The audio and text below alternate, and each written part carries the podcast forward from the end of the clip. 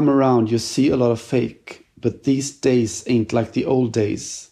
They gotta come for your soul, now soul train. That's why I live like it's my last day. First one with a coolinan, I've remained in the desert. Swerving, swerving in the sand. With his jacket on, I feel like Jackson. Yo, Mm. kände igen. Hallå! Hallå där. Var det Eh. Marvin Gaye?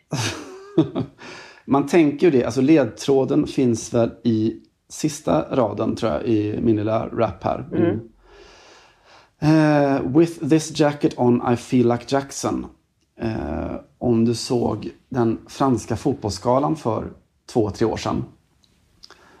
När han som tog emot priset för årets mål bar en Michael Jackson-jacka. En sån här armé, guldig arméjacka.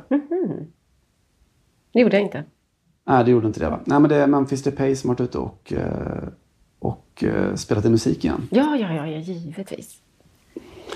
Eh, och han har gjort det rätt så i stil får man väl säga för att det är det, apropå generiskt, det generiska fotbollsproffs eh, Vardagsrummet? estetiken. Nej, man tänker att det vore det, men det är faktiskt inifrån Dubai. Dubai Freestyle heter låten. Nej men gode gud. Look at the weather. I just woke up and got breakfast. I'm in re-up, I'm working my ass off. My peer chef too, she put things together. I'm like, whatever. Uh, what they say don't even matter. I know the truth and the truth only matters. My rifle, the shot, they calling me Steph. Dodge the bullet, close range. Sexy Barbie got no pain. Just a cute face with a cold name. Come around. Han drar runt Här dör fransk rap och så vidare. Här dör fotbollen. Här dör de ihop. Fan, det kanske är en krönika man borde skriva. När jag tänker på det. Eh, han är runt i sin video i öknen i Dubai. Han, Pratar med eh, gästarbetare om deras arbetsvillkor. eh, Mm. Hur många som bra- dör i värmen. Mycket sånt. Nej, men det är hela eh, alltså, konsumtionskulturen. Det är, ja, du vet, du kan ditt Dubai. Det är kött med bladguld. Det är mycket köpa klockor och bilar. Och han drar runt i sin Coolinan som han rappar om. Alltså en, eh, en, en av de senaste Rolls, Royce Max-versionerna tror jag. En sån här tre miljoners bil. Drar runt i öknen i Dubai. Och, eh, det som han fick uppmärksamhet för, eh, inte då för att det är en vad fotbollsproffs anbelangar en ganska okej låt. Eh, Det är för att han i videon gullar med en liger. En? Liger. Är, det ett lejontiger? Eh, Det är precis vad det är. Det är alltså en lejonpappa och en tigermamma. Ja, ja, ja. Som jag. Eh, Ja, han försvarade sig med, alltså han fick ju djurrättsmänniskor efter sig då, att man ska inte gulla med vilda djur och sådär. Men han försvarar sig med att ni vet inte vad ni snackar om för att en liger är ju född i fångenskap, de finns inte i det vilda. Eh, Den skulle inte klara sig två minuter där ute. Alltså är det okej att käka sina frukostflingor med en liger. Eh, en eh, passus då, en parentes. Det slog mig lite när jag såg det där att, eh, och när jag läste på om ligrar. Att vad skulle vi få om Zlatan eh, fick barn med en tigrinna? Eh, trejon. En slager. Och nej. Ja, fan, förlåt. Ska vi börja om eller ska vi ta det därifrån? Nej, jag, du fick mig att pyttelite skratta i alla fall. Ja, Vilket är få förunnat. I dessa coronatider. Men Ja, det. Depay gjorde ju, alltså han har ju en förmåga att alltid bli utskälld av någon anledning på sina hiphop-videor. Han gjorde ju en när han för bara, ja, vi pratade om den, jag tror jag spelade upp den i podden också. När han racear runt med Eiffeltornet i bakgrunden i videon. Och Lyon-fansen kände väl att, hallå, du kan inte hålla på och hänga i Paris. Det är inte, bara för att det inte betyder något för dig så betyder det ju någonting för oss. Ja, eh, Why Always Him. Han har ju lite den, den auran så. Ja, väldigt mycket så. Mm. Eh, jag såg förresten att eh, franska ligaföreningen har pratat om hur man ska ta sig an då den här lite märkliga säsongen och att det var två klubbar som eh, propagerade för att man, man skulle ställa in den och, och bara annullera hela säsongen. Eh, det var ju Lyon, Jean-Michel Lyon och eh, Toulouse. Just det. Eh, Det var nedflyttningsplats och eh, vi som inte riktigt orkar stå för att vi inte är så bra längre. Det var de två. Ja, om man undrar om hur vilka filosofiska liksom, ingångar man har i en sån diskussion. De sket rätt mycket i det etiska och filosofiska utan bara att det gick dåligt, vi skiter i det här. Vi delar om. Undrar om han vill ställa in de säsongen också då, Olas? Med all säkerhet inte. Vi gissar på nej. Vi gissar på nej. Du, eh, en vecka sedan senast, lite drygt, vad, vad, vad, vad har hänt i denna märkliga tid? Ja. Nej, jag vet inte om det har hänt sådär satans mycket. Man, det gör ju inte det. Nej, det är den här mentala karantänen. Även om jag är ute och rör på mig och eh, solen skiner i Göteborg så kan jag säga att livet är relativt inrutat. Så det har väl inte hänt. Det mesta som har hänt har väl hänt framför datorn, får man väl säga. Jag chattade med Janne Andersson i fredags. Mm, som man gör. Som man ju gör eh, emellanåt. Eh, nej, det var nog faktiskt första gången som jag satt ner med honom. Jag såg en eh, Jan Andersson som satt ner, eh, kan ju varit kanske ett dygn senare eller så. Han var ute på sin racerhoj och träningscyklade. Se där, när vi pratade mm. så sa han att han skulle ut precis efteråt faktiskt och cykla ett varv. Ja, kan mycket väl ha varit det. Han, mm. Man hörde någon, någon halländsk röst som skrek att flytta på er, ni är i vägen. Och då var det Jan Andersson som kom och cyklade. Janne Faran Andersson. Just det. Mm. Eh, du har väl knappast kollat på det här som om du skulle titta på mina chattar och så vidare. Men eh. du fick in en fråga faktiskt Simon. Vill du höra hur han svarade på den? Ja, mycket gärna. Mm. Ska vi gå vidare med en fråga från Simon Bank som har faktiskt eh, letat sig in här. Vilken händelse var avgörande när du valde att ändra filosofi från den omoraliska dödgrävarfotbollen som du stod för i Laholm? Du får överseende med viss eh, vad ska man säga, värdering i frågan lät det som där. Ja, det är bara för att vi alltid slog han och hans pappa Ulf Bank, deras kinnar när vi möttes. Så det är därför han, har, han är lite irriterad sedan den tiden. Men eh, nej, det, det, det, man kan man får spela, spela som man kan och inte som man vill. Så att eh, från den, om, om man nu kallar det för dödgrävarfotboll, men vi var väldigt, vi var väldigt stabila. Vi var, ja, det, det, vi var väldigt stabila och starka och fysiska och täta. Så kan vi väl sammanfatta det med. Och mm. Sen har det väl utvecklats i någon annan riktning hoppas jag. Så att det är på samma sätt idag. Det fick ju faktiskt, när vi vann SM-guldet med Norrköping, då, då fick vi faktiskt beröm för att vi spelade mest offensiva fotbollen. Så någonstans på vägen så ändrade det sig. Ja, men det var ingen enskild händelse då som... Nej, kan, det, nej, det, det, nej, det var det inte. Det var, det var alltid roligt att vinna mot Kina i alla fall. Känslan? Eh, känslan är väl något åt det hållet som eh, John McEnroe kände i eh, Stockholm Open. Mm. I the, the answer you fucking jerk.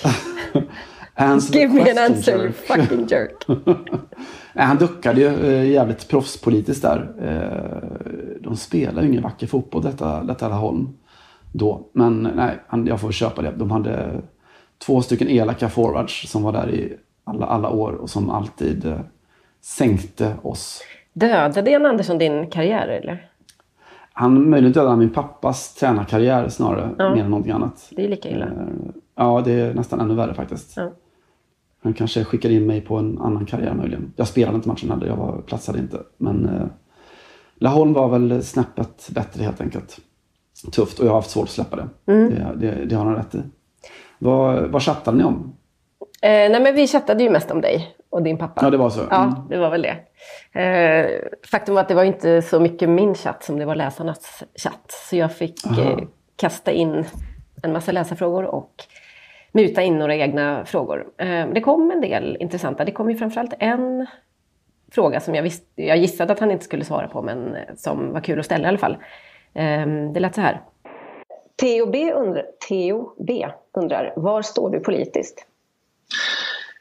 Ja, jag brukar inte prata om privata angelägenheter för det tycker jag det är vad man röstar på. Men jag tror att jag har ju en, en idag kan man väl säga att det, man, man kan ju plocka lite här och var höll jag på att säga. Därför mm. att jag tycker det, det, det, är väldigt stora likheter mellan många av partierna idag. Så att, men jag, jag, är nog väldigt svensk i min grundsyn, så kan man väl säga. Mm du låter stabilt inom parlamentarisk i alla fall. Ja, jag kan väl säga så här att jag, eh, ja, nej, jag ska, vi ska inte utveckla resonemangen mer så egentligen. Men jag, eh, jag, jag, ordning och reda och att det ska vara en demokrati och att vi, vi, vi ska stå för schyssta värderingar i samhället, det tycker jag är jätteviktigt. Det ska vara ordning och reda, schyssta värderingar och demokrati. Svenska värderingar. ja, det- han är väldigt svensk ju också. Ja, man får ändå igenom att han eh, då lätt påtvingad eh, tog ställning för demokratin. Ja, precis.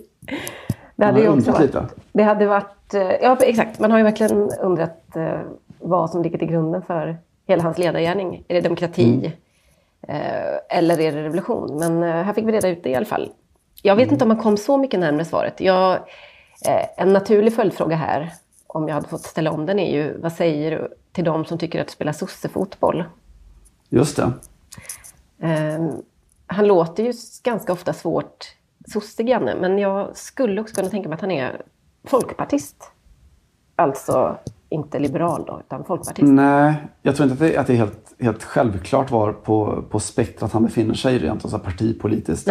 Vi, vi har faktiskt haft en sån, en sån diskussion eh, någon gång. Jag satt med under en av alla dessa guldbollemiddagar. Eh, där jag och han och eh, Aftonbladets chefredaktör Lena K Samuelsson pratade om, om politik. Eh, och jag var inte jättemycket klokare efter det heller, mer än att han, han har sina, han är väldigt trygg i någon sorts grund, grundvärderingar och de, de överraskar ju absolut ingen eh, såklart. Att det, han vill att alla ska ha det bra, un, ungefär så, och att det ska vara ordning och reda. Det är den första, ändå får man säga, förbundskaptenen på några år som vi vet rösta då, åtminstone. Det lät ju som att han gjorde i alla fall. Erik Hamrén Mm. Ja. missade ju rösta, var det inte så? Eller han gjorde det bara inte. Jag minns faktiskt inte. Det kan säkert, säkert stämma. No, nej, jag vet att han inte fick till det och fick mycket kritik för det. Ehm, kändes väl inte som någon så här genompolitisk person på något sätt, men att i den där generationen är man ju van att folk går till urnan i alla fall. Men Hamrén gjorde inte det och blev eh, väldigt ifrågasatt för detta. Mm. Nej, och det är ju intressant att saker som, som inte var eh, politiska för tio år sedan är ju det idag på ett annat sätt. Så att om man säger att eh, alla är lika mycket värda och eh, att vi ska ha ett öppet land så var det totalt apolitiskt för tio år sedan men det är, är ju ganska politiskt idag. Så det, det, kraven på vad som är ett politiskt utspel är ju ganska små 2020 känns det som. Korrekt. Att det ska vara ordning och reda kanske kanske är en, en, en ledtråd nu. Det var det inte förut heller riktigt. Nej. Eh, att vi ska ha demokrati. Eh, då känner man i alla fall att det finns för kanske något parti som ligger lite svajigt till. Ja? Eh, eventuellt. Ja, vad fan. Om, om Sveriges främste fotbollsspelare kunde flörta lite med, med Putin och tycka att han var en toppenkille så, så är det här någonting annat i alla fall. Mm. Så mycket kan man säga. Så mycket kan man säga. Så mycket kan man säga. Mm. Har du gjort något sen Eh. sist då? Jag, frågan, jag omformulerar frågan nu. I, i, från vad har hänt sen sist till har du gjort något? Eh, ja, inte mycket. Alltså jag har faktiskt sett lite fotboll har jag gjort. Eh, vilket var emotionellt på ett sätt som jag inte riktigt trodde det skulle vara. Jag var och, eh, och såg AIKs U19 träna på Skytteholm. Eh, av en händelse. Det var inte så att jag aktivt sökte upp den men jag, jag var på Skytteholm och såg dem träna. Och det var, det var en lisa för själen faktiskt. Solen sken och eh, man såg passningar och mottagningar och inlägg och allt det där. Eh, och jag har pratat om förut att jag har märkt att det som man saknar med fotbollen främst är liksom människorna, det mänskliga mötet. Men där och då kände jag lite att jag, jag saknar också det här rent sinnliga, eh, alltså ljudet av, av en boll som rullar och tas emot och skickas vidare och så. Eh, det var fint, det var, det var ett emotionellt ögonblick. Så, så svältfödd har man ju blivit. Mm. Eh, så det var... Det, var, Det är väl det som hände. Mm. Det, det, det är rätt mycket det som har hänt faktiskt. Det är inte så jäkla mycket mer. Råkar du bara trilla förbi Skytteholm? Jag känner att du bor inte så satans nära. Nej, det var inte så. att Jag, jag hade ett skäl att komma dit men, eh, men skälet var, och skälet var inte att jag sökte upp AIKs U19-träning utan att jag, jag var där i ett ärende som inte hade med, med det att göra. Men, Mm. Försök, är det vad du försöker säga, att det finns andra klubbar i Stockholmsområdet också? Eller? Det finns andra klubbar i Stockholmsområdet också. Mm. Jag vill bara ha ordning och reda och, eh, och demokrat, demokrati. Mm. I det stora hela. Nej, annars har jag väl som de flesta andra bara konsumerat fotbollsbevakningen eh, utifrån vad den är. Mm. Trött på, på, på det mesta. Man börjar bli väldigt trött på, på den nu. Eh, och man, man hajar till så fort som dyker upp någonting som, som ens kan kopplas till något slags nyhetsvärdigt. Så. Ja. Ja, precis. Jag tycker nästan det svåraste är att följa de här alla transferrykten och alltså Silly-säsongen som jag har dragit igång. i brist på annat antar jag. För det är ganska mycket sådana nyheter nu. Man känner att, jag tror aldrig, generellt så är det lite grann att följa en parallell värld. Dels vet man att det är ganska mycket som är intressant och dels så vet man att det finns rätt så ofta andra intressen bakom de där ryktena. Då. Mm. Vem vill att någon ska tro att den och den spelaren och så vidare. Men eh, nu känns det ju fullkomligt eh, alltså, superonaturligt. Det, om man byter klubb nu, vad liksom, när tänker man sig att man ska flytta då till exempel? Mm. Eh, alltså det är så, Nej, det är så många följdfrågor. Ja, det är så otroligt mycket följdfrågor. Ja, precis. Det är, ja, det är nästan som att den delen av både journalistkåren och förstås fotbollsaffärskåren har gått in i sitt liksom, sommarstadie i någon form av så här, tid. Alltså, i en fas av förnekelse som de har fått, som har kickat in nu för att det, man, är så, man är så desperat efter att någonting ska vara typ som vanligt. Så man börjar ja, dra igång rykten och placera ja, spelare. Och... Det känns som att de övergångar som är möjliga idag, med, som kartan ser ut, är väl typ eh, Anna Glass eh, som lämnade PSG och gick till Bayern München. Just det. Eh, det kan man ju förstå. Jag skojar när jag säger Anna Glass, såklart. Hanna Glas. Eh, ja, du la på man, det franska uttalet. Det var helt rätt. Eller hur? Mm. Eh, att man att du går från en väldigt solid eh, finansiell klubb till nästa solida finansiella klubb. För annars finns det oerhört många frågor att ställa ju före du rattar hem en sån övergång. Så där. Mm. Finns pengar? Eh, kommer det betalas? Kommer jag ha ett jobb om ett halvår? Och allt sånt där. Ja, men visst. Hanna Glas kommer ju ha det, vet man ju. Ja. Nej, men exakt. Och det är väl kanske också att... Jag vet inte om det spelar in, men att man ser att Tyskland har, vad det verkar, skött den här pandemin ganska så bra. Eller att det inte kommer bli i alla fall mm två års total nedstängning och spel utan, utan publik och så vidare. Det, det enda andra tänkbara klubbytet just nu det är väl typ att gå till en stor klubb i Kina. Ungefär så mm. är det ju. Det är ju lite som man tänkte med Mikael Danielsson som, som signade. Man tänkte att det där var en konstig övergång. Mm. Där, där offrar du din, din EM-plats för att du kommer inte få spela eh, så innan det, det är corona i Kina. Du kommer inte få spela innan, innan EM drar igång och då är det borta. Nu kan han sitta där och inte skratta, men kanske i alla fall tänka att i en parallell värld så hade det varit ännu värre. Kallar du honom Mikael Danielsson? Marcus Danielsson, förlåt. Ah, nej, det var, det var fint. Det var bara, kändes som att jag inte visste vem det var riktigt. ja, nej, vem, vem vet. Men du ser, så snabbt har det gått. Han försvann från radarn. Precis, men han gick ju också dit då när det var alltså, kaos i Kina fortfarande. Och inte riktigt ja, hade blivit det var, någon annanstans. Precis, det var mm. smittans epicentrum. Han fick åka på, på camp i Spanien typ. Eh, Men är det här det nya då? Det, kan det vara den nya liksom, eh, figuren i fotbollsfaunan? Att alla har en, man har liksom en, en klubb och så har man en agent och så har man börjat avlöna också en epidemiolog för att fatta ungefär hur man ska tänka med klubbyten närmsta tiden. Och en zoolog om du ska ha Memphis Depay i laget. Många nya på lönelistan. ja, det blir ju det. Mm. Eh, när man undrar lite om det kommer bli så att eh, de stora organisationerna och ligorna kommer göra lite som, eh, som eh, ja, vad heter ens, eh, den här fighting-organisationen pratar om att köpa loss en, en egen ö för att kunna, kunna hålla aktiviteten igång fortfarande, mm. även om det är smitta. Ja, just det. Eh, man köper loss en, en del av Seychellerna eller så, så kan man flytta Bundesliga dit om det tryter någon gång. För det kommer komma fler pandemier, verkar de flesta överens om. Ja. ja, det kanske är köpa en ö, anställa en epidemiolog och ha en agent som kan tänka lite större än vanligt. Du har ju en, en ö att sälja. Skulle kunna vara något kanske? kanske det, men det är svår, svårt att spela fotboll då. Kan inte riktigt se en elvamanna plan där. Jag återkommer i ärendet.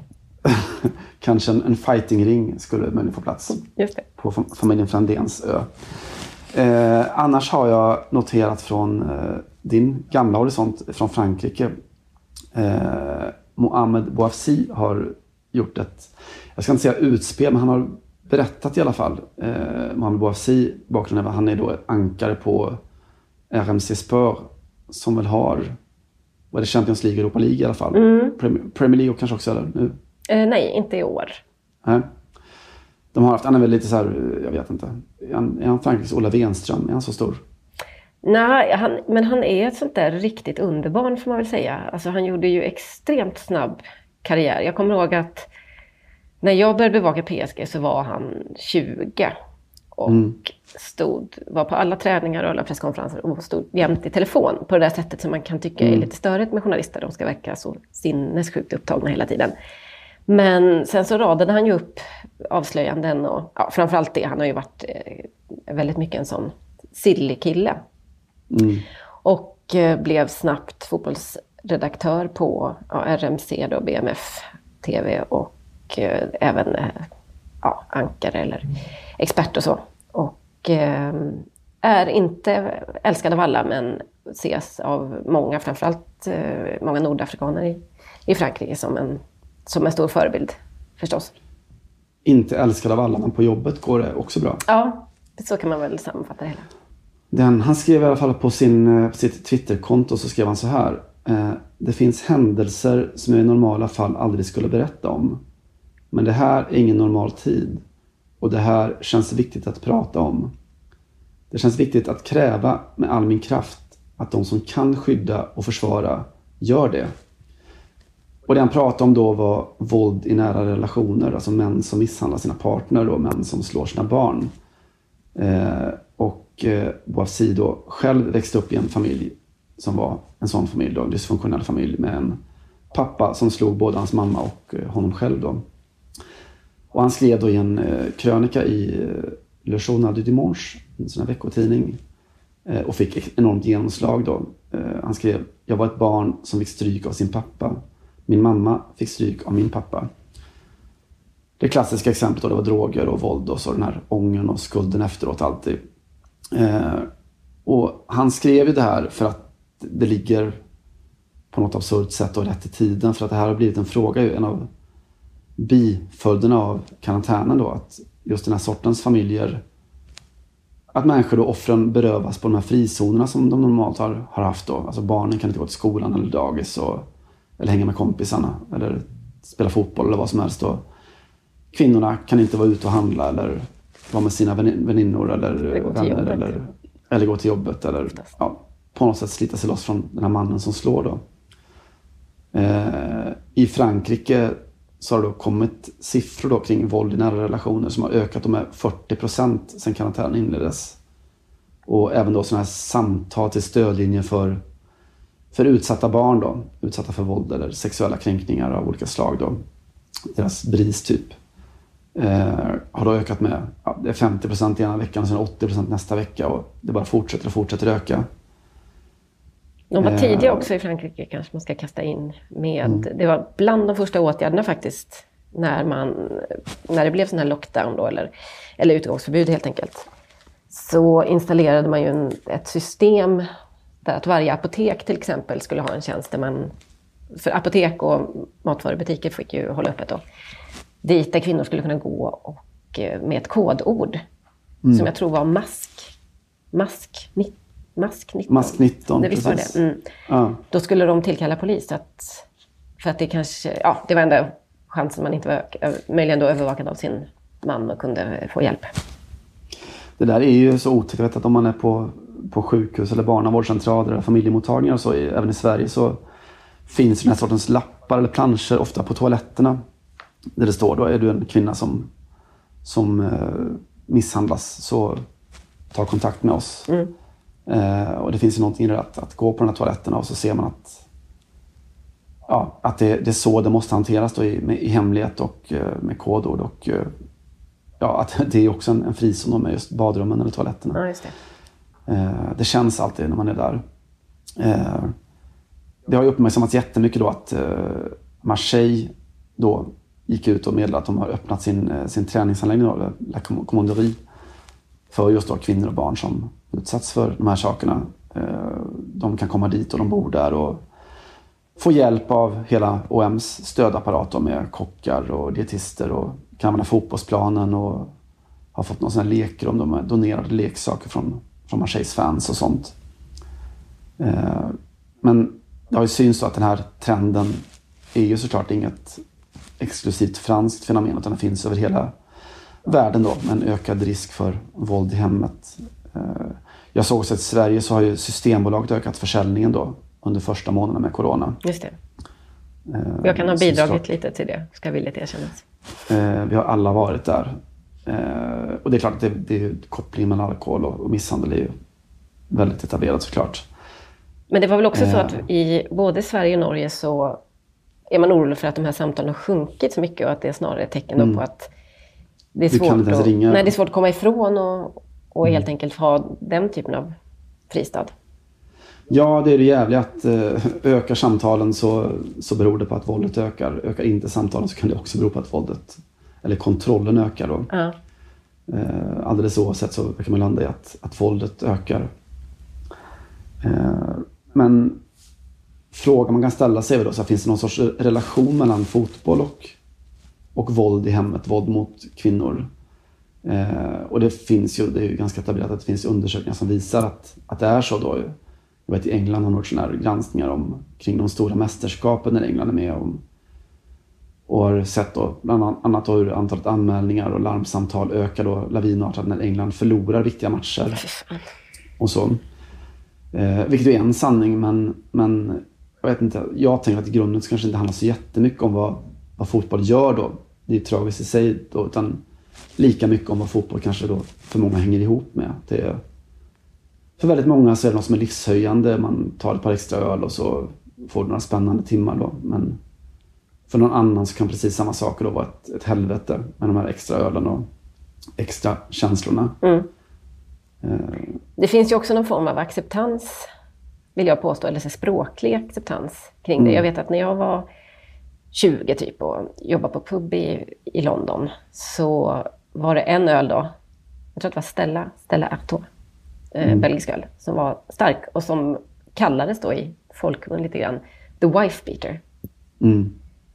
Eh, och att det på något sätt är, ja, det skvallrar lite om hur relativt eh, accepterat det är i vissa kulturer. Eller att man åtminstone inte har eh, samma nivå av, eh, vad ska man säga, av eh, alarmism. Eller lar, alarmism låter ju inte, men att man inte reagerar lika starkt på det i alla fall i alla länder. Fanns det inte en eh, finkulturell koppling där till att Stella kallades för wife beater? Vilken var det då? Eh, Linje Lusta tänker jag. Tennessee Williams-pjäsen. Mhm. Eh, sett den? Eh, ja, nej, kanske inte. Eh, det är väl Marlon Brando tror jag i ursprungsuppsättningen som, som spelar i någon sån här eh, en polsk emigrantfamilj där Stella får stryk av sin, sin make. Stella, du vet. Stanley Kowalski slår sin fru Stella. Kanske. Tror att de var så raffinerade pubbesökarna i Jag, England? jag har ju lust att säga ja, men jag tror nog inte det. But who knows? Ja, men det finns ju jättemycket forskning också kring eh, alltså maskulinitets och våldsideal så här, inom manlig lagidrott och, och så. Det, ja, vi kan det där. Eh, men det man kan säga just de här dagarna är väl att OM är ju inte, verkligen inte den enda klubben då som engagerat sig i, i de här sakerna, som har sett de här kopplingarna. Eh, vi kan väl ta och lyssna på hur det låter när eh, Magdalena Eriksson, lagkaptenen, och eh, Olivier Giroud och eh, de andra då i Chelsea eh, pratar då och samlar in pengar för kvinnoorganisationen Refuge. My friend from university. My friend's mother. My friend from school. That friend was me. Last year, 1.6 million women in the UK Suffered from domestic abuse. with children often being the silent, hidden victims. If you are experiencing domestic abuse, you are not alone. Refuge is a national charity supporting over 6,500 Women and children experiencing domestic abuse every day. During this COVID 19 global pandemic, domestic abuse is on the rise. Your help is needed. Refuge needs our support to keep running its life saving services. and reach even more women in desperate need. Women just like me. Please donate now. Please donate now. Please donate now. Please donate. Please, donate now. Ja, det där var alltså Chelseas spelare och personal då, tillsammans med offer för kvinnomisshandel då, som eh, går ut och ber om donationer till Refuge, då, kvinnoorganisationen. Eh, och det är ingen hemlighet varifrån Chelseas pengar kommer ifrån i grunden då, men det är ju värt att peka på sånt här också då. Eh, Chelsea vet jag också har öppnat sitt hotell på Stamford Bridge då för vårdpersonalen. Att de ska kunna bo där. Eh, och de har lovat också att dubbla alla pengarna som de får in då till Refuge. Jag vet att Norwich är också en sån klubb som har arbetat med, med att få in donationer till organisationer som arbetar mot då, våld i nära relationer. Eh, men intressant tycker jag att även Danny Rose, alltså Tottenham-backen som nu har varit utlånad till, till Newcastle då, själv då har gått ut och skänkt eh, stora summor till just sådana här organisationer. Eh, som många andra, men Danny Rose tycker jag är extra, extra intressant då. Dels för att han är en, en stor stjärna då, gammal landslagsspelare och allt sånt där. Men också för att han eh, senast då som han fick stor uppmärksamhet var ju när han gick ut 2018 och pratade om eh, sin depression och psykisk ohälsa. Mm. Det som han gjorde då var att han bröt mot ett eh, tabu då, det här tabut att du i fotbollsmiljön som spelare ska vara tuff och stark och det här fascistiska idealet att du ja, du får aldrig vara svag. Du ska vara en stark, stor man. Eh, och han blåste in lite luft i det där machoidealet på något vis. Eh, och frågan vi landar i är lite så här att om det kanske hänger ihop att, då, att han har fått den insikten om machoidealet i fotbollen och att det är kopplat till nästa insikt också, det vill säga då att vad det här kan leda till för kvinnor. Mm. Alltså att en insikt hänger ihop med en annan på något vis. I tried doing some research and um, you know I read an article in the paper and uh, you know it, it, pointed out that yeah that the numbers have shot up and you know, I hope i can you know say a few words in uh, in this video just to raise awareness. Mina 50 cent är lika bra som dina men eh, det är väl inte omöjligt att alltså det är klart att hela den här framförallt i Storbritannien senaste år, två, tre åren, hela den här eh, uppmärksamheten kring psykisk ohälsa som ju bland annat kungahuset har varit eh, inne och pratat om ganska mycket. Prins William har väl varit en del av det. Det finns ju ett klipp, fantastiskt klipp när han och en massa gamla lirare, Pete Crouch bland annat, pratar om det här och på ett väldigt fint sätt. Tillsammans med, tror jag, ett, ett gäng brittiska vandlisar liksom som på ett eller annat sätt hade haft eller har lidit av depression. Så det är nog ett medvetandehöjande på, på en generell nivå i en kultur där det absolut, absolut behövs väldigt mycket. Jag tänker lite så att eh, alltså det finns ju fenomenet med, med fotbollsspelare som går ut och visar samhällsengagemang eh, och sådär och så får de väldigt positiv feedback för det. Vilket sen leder till att de fortsätter visa samhällsengagemang. Det, det är en sak men just att han är specifik då i sina... Han har donerat pengar till sjukvårdspersonal och så också men att du är specifikt väljer att gå ut till kvinnoorganisationer, att det ändå borde peka på någonting. Att det mm. eh, kanske finns en sån, en sån tanke. Då. Eh, jag tycker det var intressant hur som helst och värt att, eh, att lyfta. Tror du förresten att Queen Elizabeth har jobbat med depressioner? Eh, jag har faktiskt precis avslutat eh, sista... en chatt? med henne. Sista avsnittet av The Crown, säsong 3. Mm. Och man kan väl konstatera att hon får jobba ganska mycket med the stiff upper lip i alla fall.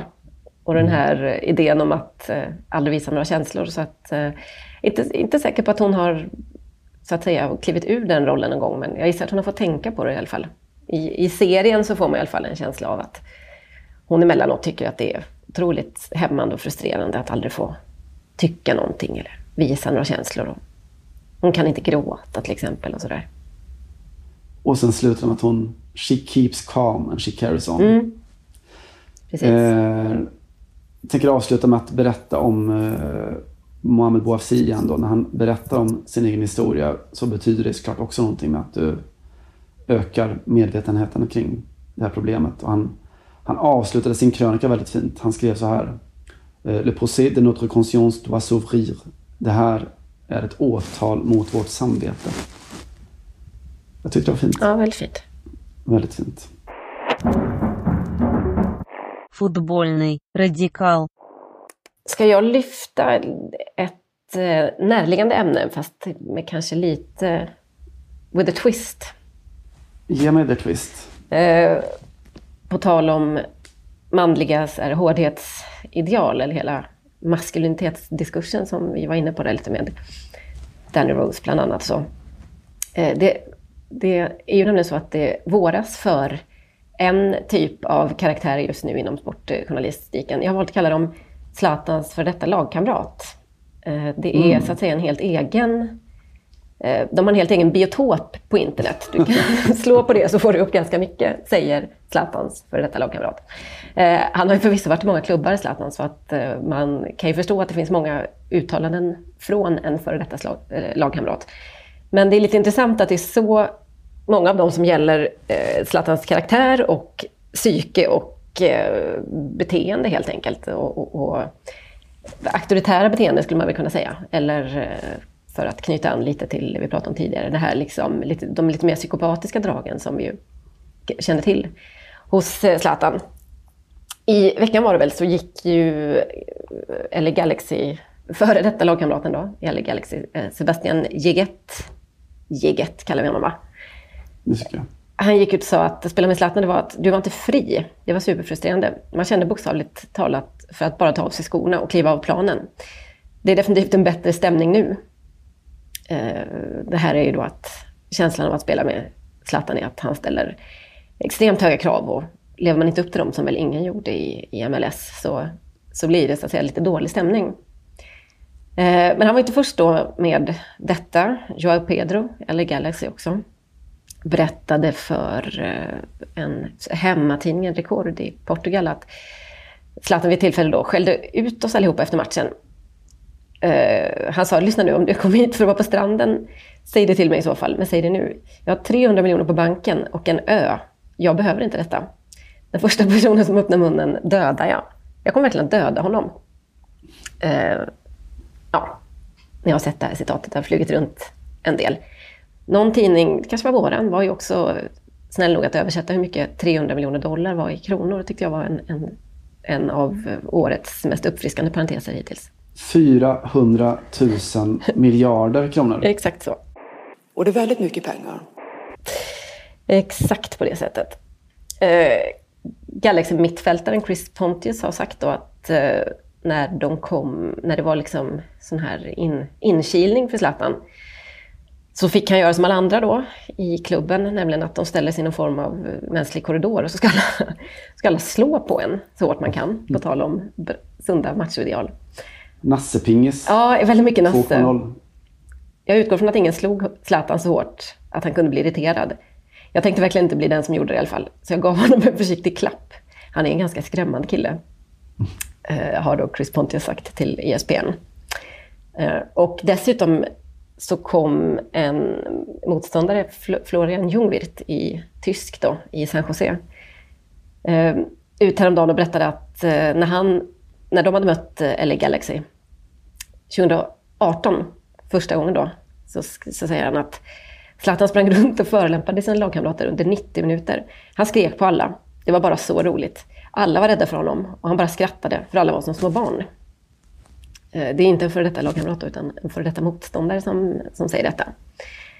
Eh, det är lite intressant där. Bland annat så har det tolkats som att eh, det kanske är en annan kultur i USA där man har lite svårt för det här hårda. Och det är också ett land där man pratar mycket mer om mental hälsa eller kanske generellt att hela liksom sättet att prata om hur man mår och gå till psykologen och sånt där är ju, det känner ni till, det är ju inte alls stigmatiserat på samma sätt i, i liksom den nordamerikanska sfären utan att det kanske är lite mer än någonting som de flesta gör och ja, man can really relate to saker och ting. Och man, man, Och det är socker i grunden en, medelklasssport också.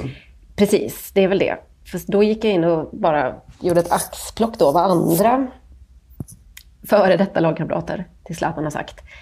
Eh, bara de senaste åren då. Och eh, många bara de senaste månaderna återigen. Det är ju inte så, händer inte så mycket fotboll just nu så att det finns ju väldigt mycket så tid att prata om detta. Mario Balotelli till exempel då, som sa att eh, jag var 16 år gammal och hade precis börjat träna med Inters A-lag. Jag var helt fixerad av Zlatan, trots eh, att spelare som Adriano och eh, Julio Cruz också fanns med i laget. Zlatan kom fram till mig och sa, tror, tror du att du är en av oss? De låter dig träna med oss idag, men sen är du borta. Zlatan var en spelare som såg upp till oss, som, om han, äh, som jag såg upp till, som om han vore Gud. Han var väldigt imponerande, säger Mario Balotelli. Eh, beskriver alltså en klassisk eh, översittar och mobbningsscen som eh, imponerande och någonting som han så att säga växte av. Mm. Eh, och i, bara igår tror jag så gick Marcus Rashford ut och, och berättade om Zlatan då angående tiden som de hade ihop i, i Manchester United. Att Zlatans mentalitet var liksom, det var någonting helt annat än någon annan som jag hade spelat med tidigare. Han brydde sig inte om vad någon kunde säga eller vad någon sa om honom. Eh, när det kommer till mental utveckling så var han en absolut nyckel i, för min egen del. Eh, Andrea Pirlo har sagt så här då, om eh, att lira med Zlatan. Han höjer koncentrationsnivån i gruppen. Det är sant att han ställer dig mot väggen, skriker och blir arg. Jag har träffat på väldigt få personer som är som han. Eh, Ibra kan fortfarande vara den avgörande skillnaden på planen, även om det, han inte är det i lika stor utsträckning då som tidigare. Eh, Pirlo då, som berättar att Zlatan ställer dig mot väggen, skriker och blir arg. Och eh, rinner ut då i någon form av resonemang om att Zlatan är, ja, om inte större än livet, så i alla fall en, en jävla lirare och eh, en, någon som höjer koncentrationsnivån i gruppen. För mig låter det lite mer när man hör de här vittnesmålen som att han eh, iscensätter någon form av tyranni som alla får förhålla sig till. Och att man kanske höjer koncentrationen lite grann för att man är rädd för att bli typ utfryst eller mobbad eller inte vet jag. Eh, och eh, Marcos Rojo sa faktiskt, tror jag att det var ganska nyligen också, från tiden i United då, att uh, han vid något tillfälle så hade han ju inte passat Zlatan utan passat Paul Pogba. Zlatan började skrika på mig, vifta med händerna, skrika en massa saker på spanska och engelska. På spanska? Vad konstigt. Ja. Eh, jag svarade med att säga, vad gör du stornäsa? Håll tyst. jag, visste om, jag visste att om han fick tag på mig skulle han döda mig. Så det enda jag kunde göra var att bemöta honom. När han kom in i omklädningsrummet sa jag åt honom direkt att hålla tyst. Vi började förolämpa varandra. Alla våra lagkamrater stod och tittade på. Och i mitten var José Mourinho som försökte lugna ner oss. Hej, jag Ryan Reynolds. Recently, I asked Mint Mobiles legal team if big wireless companies are allowed to raise prices due to inflation. They said yes. And then when I asked if raising prices technically violates those onerous two-year contracts, they said, what the f*** are you talking about, you insane Hollywood ass?" So to recap, we're cutting the price of Mint Unlimited from $30 a month to just $15 a month. Give it a try at mintmobile.com slash switch. $45 up front for three months plus taxes and fees. Promo for new customers for limited time. Unlimited more than 40 gigabytes per month. Slows. Full terms at mintmobile.com.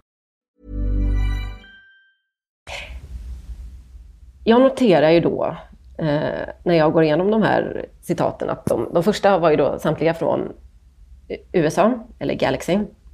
Och resten eh, spelare som han har träffat på eller som har spelat med Zlatan tidigare i karriären.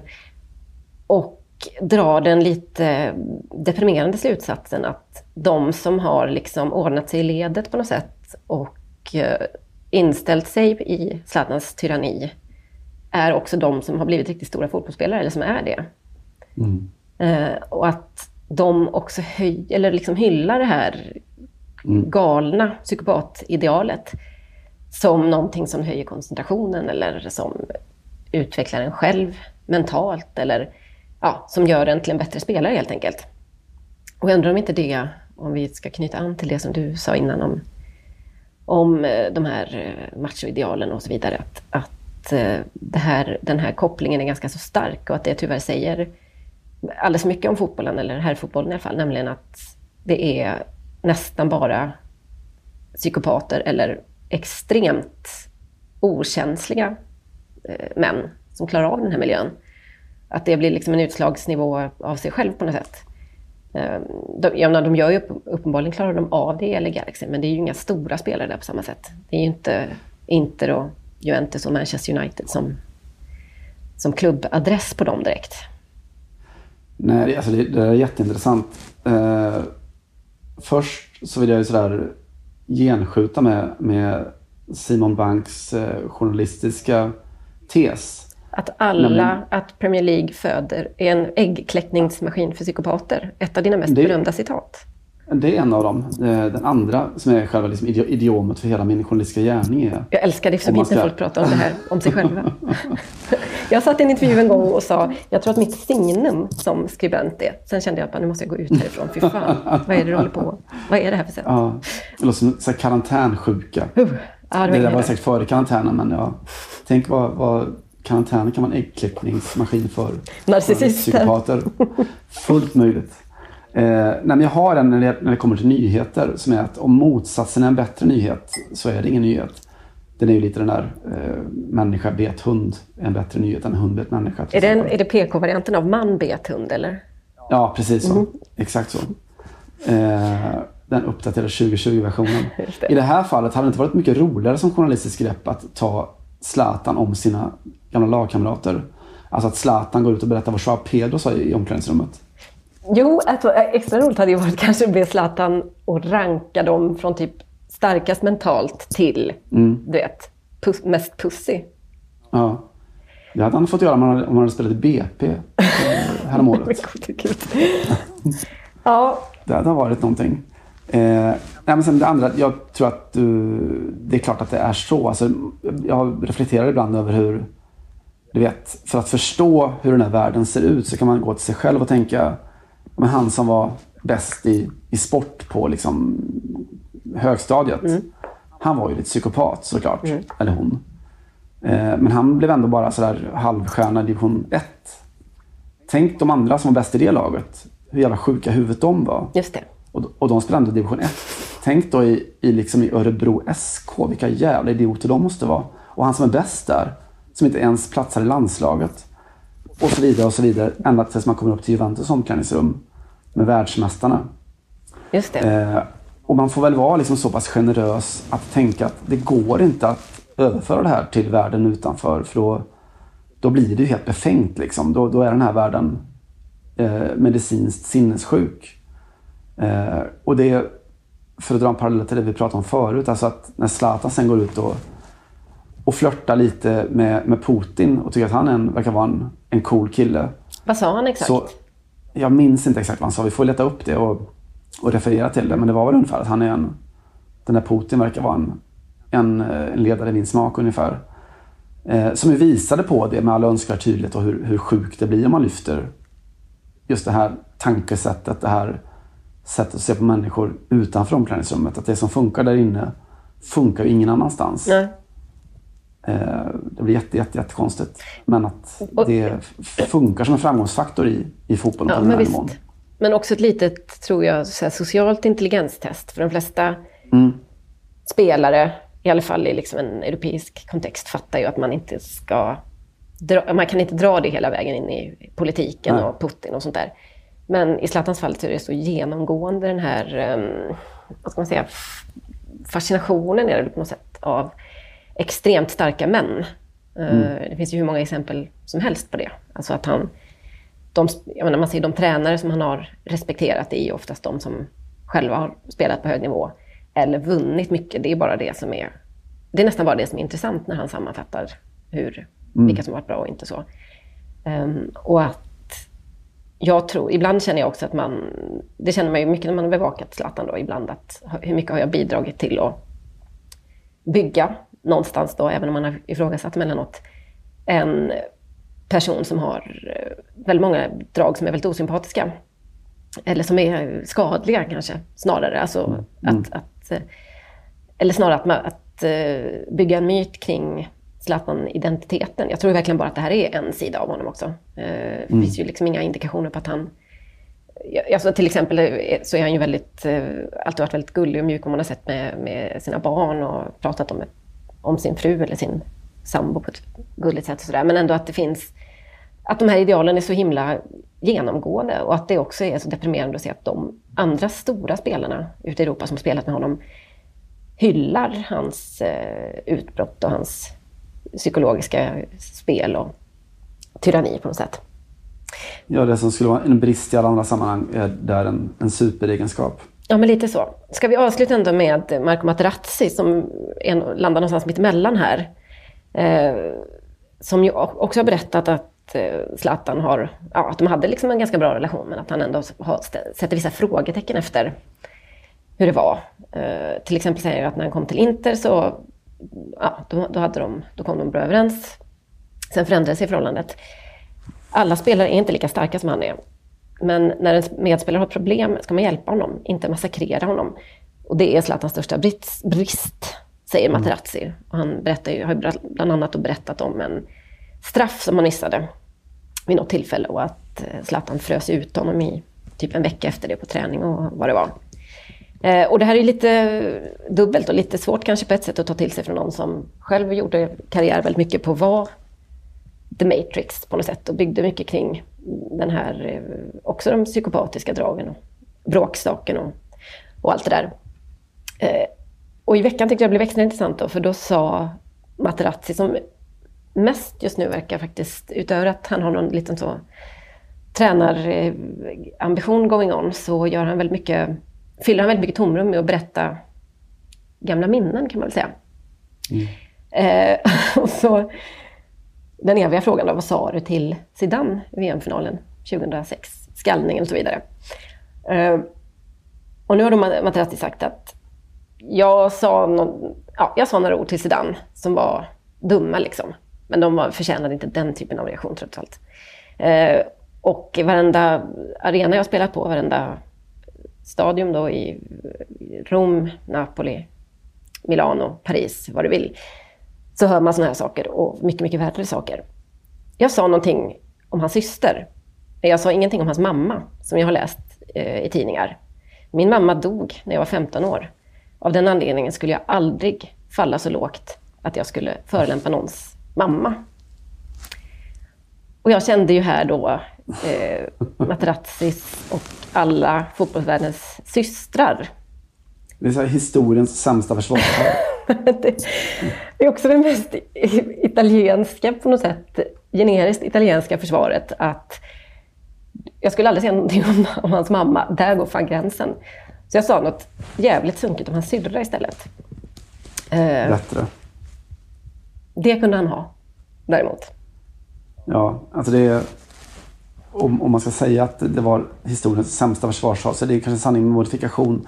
Jag kommer att tänka lite på, på Preben Elkjär. Eh, och det måste ha varit när han var i Lokeren, tror jag. Klubben som gick under här i veckan.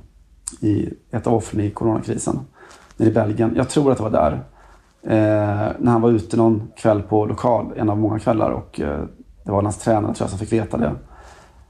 Och eh, konfronterar Preben och säger att du, eh, det sägs här, vi har liksom vittnen som har sett dig på, på krogen igår med, med två armar, två armar, två damer under armarna och eh, en flaska sprit i handen sent på natten. Stämmer det?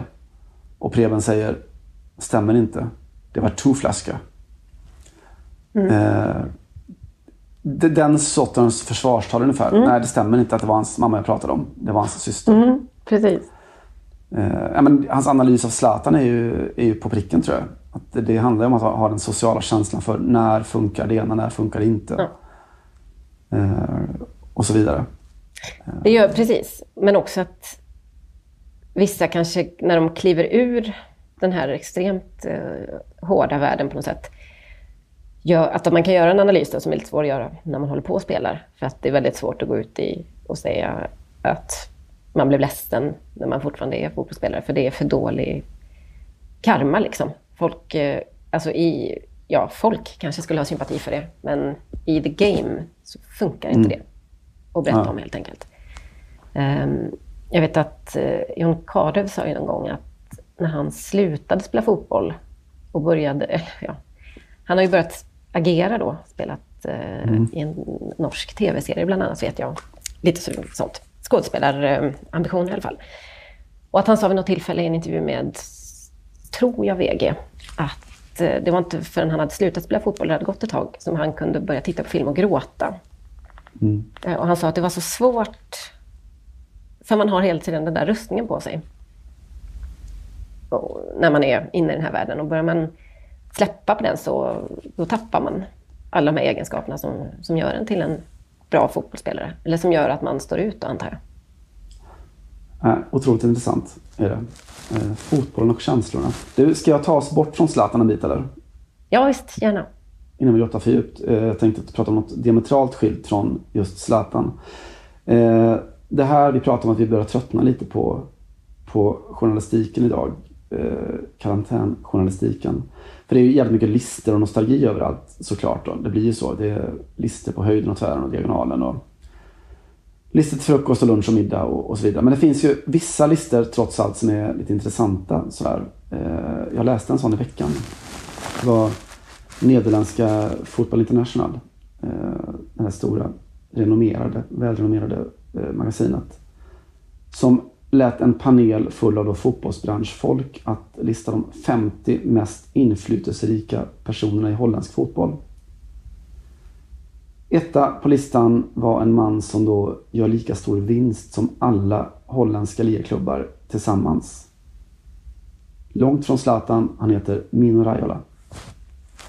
Mm. Eh, stor intervju med Raiola. Mm. Raiola. Raiola. Eh, och han är, man kan, han är ganska smickrad och, och, glad över att lyftas fram här då. Eh, inte minst då, eftersom det visar att de ser på honom som en, en holländare. Eh, vilket inte alltid varit självklart. Ja. Som napolitansk immigrantgrabb. Eh, och Mino säger att jag, jag är den jag är, jag spelar inte teater. Eh, han säger att om man fejkar så kommer man inte vara kvar i toppfotbollen länge. Zlatan är Zlatan, van Schaal är van Schaal, Mino är Mino. Eh, ett ganska generiskt Mino Zlatan-citat va? Mm. Tvåa på listan i alla fall, Ronald Koeman. Inga konstigheter där, förbundskapten för Holland. Rimligt. Men det som jag fastnade för, som listan var lite rolig, är gissa vem som är på plats tre över Nederländernas mest inflytelserika fotbollsperson. Ja, det är inte lika Martens. Det är ju inte det va? Eh, möjligen ett lik. Johan Cruyff. Jaha, jag trodde det bara var nutida levande då. Annars hade jag väl satt honom, gissat att han skulle Det- vara etta kanske. Alltså grejen är att det är nutida levande. Eh, samtliga övriga 49 på listan eh, lever och har hälsan. Mhm. Eh, Så det är hans arv då, som de kallar levande? tju- 2020, fyra år, sedan, fyra år efter Cruyffs död, så är han fortfarande Hollands tredje mest inflytelserika fotbollsperson. Men det är lite som i Nordkorea, att det alltid är någon som är död som fortfarande styr enligt statsskicket. En av många likheter mellan Nederländerna och Nordkorea. Har du hela listan på det också? Jag har hela listan. Den eh, tar vi som nästa vecka. Mm. Eh, Den är fin. Eh, Vi kan väl också kanske bli lite dagsaktuella i det att vi pratar lite om det som alla pratar om i då den här torkan efter aktuella nyhetshändelser. Newcastle ska ju kanske bli saudiskt. Såklart. Efter Mike Så, Ashley. ett oväntat såklart, men ja. Ja, men lite efter Mike Ashley så trappar man upp med eh, Mohammed bin Salman i, i bakgrunden då. Eh, och Saudiarabien. Eh, bin Salman och Saudi har ju investerat oerhörda pengar i, i fotbollen. Eh, mycket prat om det här eh, avtalet med Fifa. Eh, Men det kan som inte nu- bara vara en sån eh, PR-kupp från Mike Ashley då för att hans eftermäle ska bli lite framstår snällare? bättre dagar. Mm. Jag är i alla fall inte, ja kanske. Det vore ju kanske det mest begåvade han har gjort. I alla fall sen han drack bärs på läktaren på ståplats. Jag har i alla fall inte dödat en diplomat med bensåg och lämnat kroppsdelarna utspridda på, i min trädgård. Jag har i alla fall inte sagt någonting ont om hans mamma. Just det. och så vidare. Nej men det, det är inget nytt att de är ute och, och tafsar i idrottsvärlden så. Eh, De har, ja, det var snack om ett avtal med Fifa eh, värt, eh, jag tror typ 200 miljarder kronor. Eh, De hade det avtalet med spanska ligan som väl blev vad det blev. Eh, Mycket snack om att de skulle köpt Manchester United och nu kanske blir Newcastle istället då. Sportswashing heter det ju, att du jobbar med idrotten för att tvätta ditt varumärke. Men just i Spanien Eh. så är väl det avtalet fortfarande aktivt. De ska väl spela de närmsta Supercupfinalerna i Saudiarabien, är det inte så? Det är Supercupfinalen och de hade ju också med att de skickade spelare till, eh, till La Liga-klubbar. Just det, ja det var lite gulligt. Som väl gick sådär. Mm. de har också haft ett, sån här, eh, ett torlopp i cykel nu precis innan, innan karantänen slog till. Saudi Tour. Med Erik Bergström Frisk på startlinjen. Mm. Utbildad på cykelgymnasiet i Skara. Ja, ja. Det får du göra vad du vill med. Ja, nej, jag kände att vi alla hade en koppling helt plötsligt till Saudiarabien. Mm, så är det. Eh, vi är ju alla där. Eh, nej, men det är ena sidan av Saudi, andra är såklart ja, ni kan, avrättningar och könsapartheid och religiös diktatur och, eh, och så vidare. De har mördat journalister och satt aktivister i fängelse. Och det är spöstraff och Spöstraff där- på bloggare. Just det. Och det här hela proxykriget nere i Jemen med, med Iran då. Med ja, eh, Shia mot Sunni och så vidare. Och det har varit ett problem för dem då. Det har satt lite käppar i hjulen för Fifa-avtalet eller för Man United-köpet då. Eh, Man United. Man United. Mhm. Just det. Ja, ja. Eh, nu jagar de då nästa stora affär då. Och jag har ju skrivit om det förut i tidningen om hur absurt det liksom är att, att det finns Newcastle-supportrar som lite jublar över att bli av med Mark Ashley. Även om det då skulle innebära att de blir i princip blir den moderna fotbollens skyltfönster för den saudiska regimen då för att ja, Ashley har misshandlat klubben så länge. Eh, jag vet att supportrarna i Newcastle de har ju förut då så här protesterat vildsint med, de hade så här sponsoravtal med Wonga, någon sån här lånehaj. Så här, ja, de gjorde tröjreklam för då ett företag som ger såna här korttidslån med räntor på över 4000 procent. Det tyckte man var ett helvete och det var det såklart. Men nu är det 3 miljarder kronor på väg in och eh, klubben ut till Saudi. Eh, och för vissa är det okej, för andra är det såklart inte okej. då. Men jag tycker lite om det för att det ställer ju allting på sin spets då. Eh, dels för det som kom fram idag att det stora hindret mot affären verkar vara att tv-rättigheterna menar någonting annat då. Att Saudi piratsänder Premier League i Mellanöstern då, fast det är Qatar som har rättigheterna till det. Men framförallt för att det väcker liksom frågan om vad det egentligen är som en supporter håller på för någonting när han håller på en klubb. Jag kan säga att min spontana reaktion är ju att eh, vad hände, varför gick det en gräns just här med tanke på Mm. hur många av grannländerna, inte minst Qatar som har, eh, eller eh, Förenade Arabemiraten för den delen, som har gett sig in i en massa klubbar. Och det är inte så att det har gått utan debatt. Men det är lite svårt, alltså det är det här som är egentligen problemet när man börjar släppa på alla, eh, eh, ja, egentligen på alla värderingar eller all moral kring fotboll. Att det finns ingen naturlig, eh, här går gränsen, punkt. Alltså det finns ju inte det. Det blir ju, nästan allt blir ju hyckleri någonstans.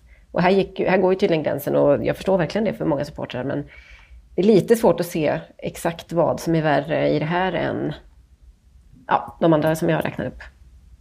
Nej, det går ju, alltså, jag, jag tycker att det är, alltså, det är exakt det det handlar om. Liksom, vad är lagom moral? Kan man ha det? Liksom? Vad, vad är precis det? Var, var finns gränsdragningen någonstans? Ehm, och det, det är så jävla kittlande. Och det är klart att det går att argumentera för att ja, driver du ett krig i Jemen med liksom hundratusentals döda och eh, miljoner som, som svälter ihjäl. Att det är värre än att ha gästarbetare och, och noll rättigheter för homosexuella eller, eller vad det nu kan vara. Mm. Men visst, man hamnar i en sån, en sån definition som är jävligt svår. Men jag håller ju på, på Tottenham kan jag berätta här då. Eh, bara för dig. Mm. Och, Jag liksom hade, de- lite, jag hade fått några indikationer på det men jag visste inte om det var helt sant. What, men, ga- What Gave Me Away. Eh, som då ägs av Joe Louis då, som är en sån här valutaspekulerande skatteflykting på Bahamas. Eh, som har ju liksom gömt undan då sina 50 miljarder förmögenhet där borta. Och det går att argumentera för att det också är mord. Liksom. Det, är- eller det är ju mord. Eh, eller dråp i alla fall då. Att hålla undan så skattepengar. Inte minst liksom, när man ser hur, hur vården plågas i, i England och Storbritannien idag. Då.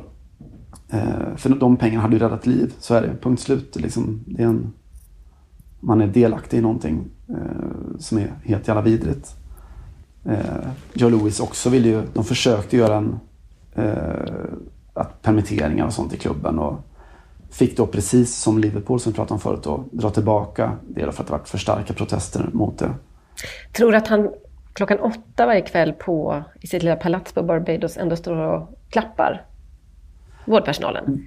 Vid sina målningar. Jag tror att det finns, eh, helt ovetenskapligt då, en viss överlappning mellan rika människor som har eh, flytt med skatteintäkter och samma Klappning. människor som så att säga producerar små filmer när de står och applåderar sjukvårdspersonal. Jag tycker mig kunna se detta i bland annat Eh. fotbollsvärlden. Och, Ja, hos enskilda spelare i alla fall. Det är ju eh, i alla fall sannolikt. Även om det inte är sant så tycker jag absolut att det är sannolikt. Nej men det är spännande. Det är, jag tycker det är jätteintressant. Och det är också med, med hela alltså Premier League ska ha eh, sin proper, fit and proper eh, granskning av en äg, ny ägare och så vidare. Men man hamnar just där. Var, precis var går gränsen någonstans? Och man är utlämnad till någon form av emotionell gräns. Det är där man landar. Jag menar, skulle jag kunna hålla på Tottenham om, de, om det var de som Saudiarabien köpte? Och jag, jag säger ju nej på frågan. Men eh, jag är nog svaret skyldig om jag blir ombeds att definiera exakt var, var gränsen går någonstans. Mm. Eh, Hur tror du att det var? Det kommer ju lite andra gränsdragningar in här tänker jag för eh, enskilda fotbollsspelare. Neymar la ju upp en, ganska snabbt en video där han applåderade då. Man skulle förstå att detta var vårdpersonal. Många tyckte att hallå hej, med tanke på hur mycket pengar du eh, och många andra fotbollsspelare då har eh, skattepengar som man har sett på konton på Caymanöarna och så vidare. Men också den här lite luriga att han mer eller mindre har ställt sig bakom Bolsonaro, som ju inte alls fortfarande riktigt tror på den här sjukdomen. Det, det skulle vara kul att höra hur diskussionerna går där. Alltså om det enda man kan göra då som Neymar är att bara ställa sig och klappa och inte skriva någonting om eh, vad man menar riktigt med det.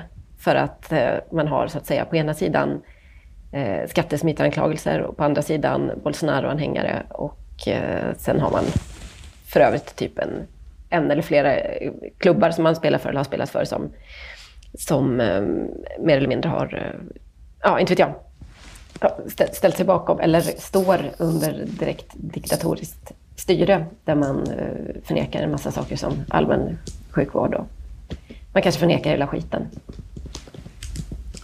hela skiten. Ja, det är väl... Jag älskar att är höra hur du knappar på datorn när jag filosoferar. Jag, jag letar efter Det är min en, nya eh, lägereld.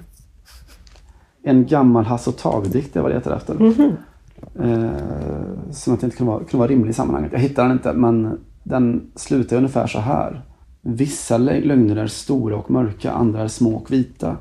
Du säger du ska tvätta dina händer, fast du ska gå och...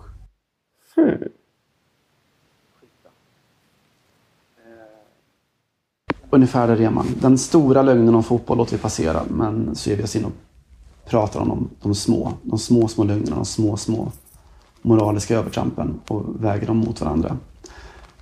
Eh, Kymigt är det hur som helst. Det är svårt för, jag avundas inte den Newcastle-supporter som förälskade sig i klubben för 30 år sedan. Jag gör verkligen inte det. Eh, vad är det han håller på idag egentligen? Är det ett skyltfönster för en mördarregim eller är det ett Philippe Albert eh, och Alan Shearer? Eh, men det enda jag vet är att man någonstans så borde vi i alla fall kräva svaren av oss alla, tror jag. Sitting in a sleazy snack bar, sucking sickly sausage rolls. In a dirty old town on the back of the time, setting my sights on gold. It's plain to see, it's black and white. This Geordie boy's gonna do alright. Gonna make you dance, gonna make you sing. Those Geordie boys. Is, today we'll take its time to tell you what tonight might bring. They spur you on in London town when you hear those Geordie sing. Sing. Walk on the town is all mine, all mine. Walk on the town is all mine. Come on! Walk on the town is all mine, all mine. Walk on the town is all mine. Du får anda. Du får ta oss ut med energin som du har. Ta eh, oss långt härifrån. Mm. Eh, den franska artisten, eh, låtskrivaren, trubaduren, rockaren och så vidare, Christophe. Har du någon relation till honom Simon? Roff har jag men inte Kristoff, det kan jag inte säga. Nej, Christophe är en av eh, Frankrikes mest älskade och eh, mest lyssnade på, får man väl säga, eh, sångare sedan 60-talet. Både populär på det franska sättet, alltså populär, folklig, och en betraktad som ett geni och ganska, ganska stor utsträckning en mytisk figur i Parisnatten. En sån där som många hävdar att de har sett någonstans med en drink i handen och eh, lite bister, eller dyster uppsyn, får man säga. Frankrikes Johanna Frändén lite grann. Ja, precis. Nu när jag inte är kvar där, tänkte du. Mm. Eh, intervjuades av SoFoot 2011 efter en eh, konsert i Paris. Eh, det här var nog ingen slump eftersom han är känd för att vara en nattuggla och en, återigen en, en sån som bara syns eh, när det är mörkt i princip. Jag vet inte om någon fortfarande har sett honom i, i dagsljus. Stor fotbollsentusiast då, enligt egen utsago, spelade själv eh, på skaplig nivå. Och eh, hans pappa framförallt var väldigt eh, fotbollsintresserad. Så han kände till, eller kände till många och hade träffat många av framförallt gamla skolan. Raymond Coppa, Fontaine och det gänget och så. Eh, I den här intervjun då från 2011 så säger han bland annat att han älskar framförallt minns och älskar den där brassen. Vad hette han som var så fantastisk? Pelé, frågar så fort. Exakt. Det där, det var något annat liksom. Fan, jag älskar de där som jonglerar och jag är så otroligt fascinerad av magi. Det är verkligen min grej. Det här, nu är det allt så himla tekniskt, men nu kan man inte jonglera på det sättet, eller? Men själv minns jag ju VM. Det var ju då när Brasilien vann. 1992 kan det ha varit det. 1994 frågar Sofot. Ja, jo men du fattar. Jag följer det här mycket. Sitter mest på, på tvn, eller framför tvn och, och kollar. Jävlar vilka spelare de hade då, Brasilien. Eh, Bebeto Romario frågar eh, Sofot då. Han bara, ja, ja, ja. Jag har sett dem alla, allihopa. Jag har sett varenda en av dem. Men det är en sak som då får stanna mellan oss. Och så sänker han rösten lite grann. Zidane, det är faktiskt en spelare jag fortfarande inte har sett. Fattar du? Och då är han ju ändå inte skit, eller hur? Eh, har du inte sett Zidane spela, säger så fort. Det här är 2011 då. Vadå, har du inte, såg du inte ens skallningen i, i VM-finalen? Jo, just det, den matchen har jag nog sett när jag tänker efter. Men jag vet inte, jag fattar inte riktigt vad det var som hände. Eh, så sen släppte jag det. Jag gillar inte heller att vara en sån där som dömer.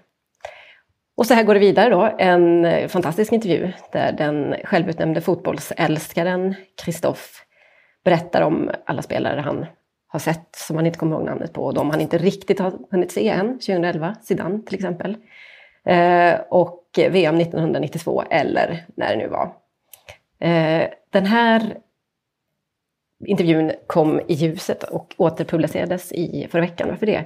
Jo, för att Kristoff då efter några veckor i kampen mot, får man väl inte säga, men eh, mot covid-19 somnade in, eller han överlevde i alla fall inte, och eh, lämnade ett stort tomrum då i musik-Frankrike och Frankrike tror jag överhuvudtaget kan man säga. 74 år gammal i, så dog han i Brest förra veckan.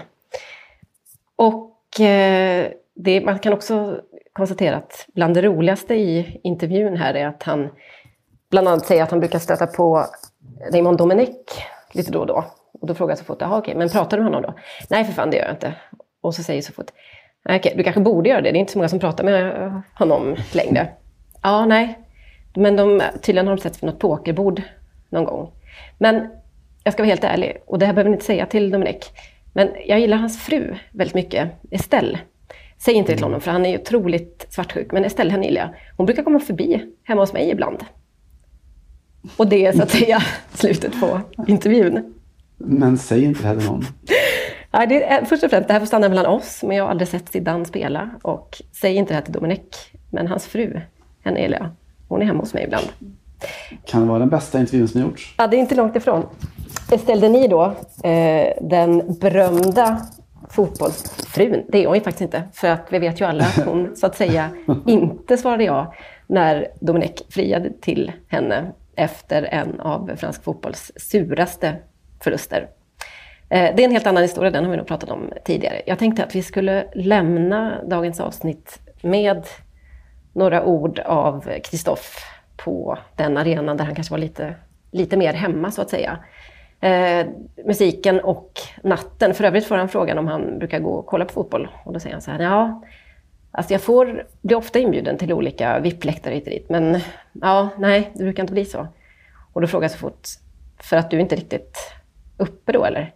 Exakt, säger han. Fan, bjud in mig på matchen börjar efter midnatt och jag är där. Men du vet, de här tiderna, de passar inte riktigt mitt eh, schema. Kristoff, eh, 74 år gammal, som sagt, och ett av mer än 20 000 dödsoffer i Frankrike för covid-19. Eh, så här lät han mer eller mindre får man säga när han slog igenom på 60-talet. Och eh, med låten Aline, som får bli vårat, vår utgångsmarsch. Vad ska man säga mer? Ni har lyssnat på Calcio Radicale, Simon Bank och Janne Frändén. Simon, hade du några andra slutord? Förlåt och tack så mycket. Hej på er. Puis il a plu sur cette plage, dans cet orage, elle a disparu. Et j'ai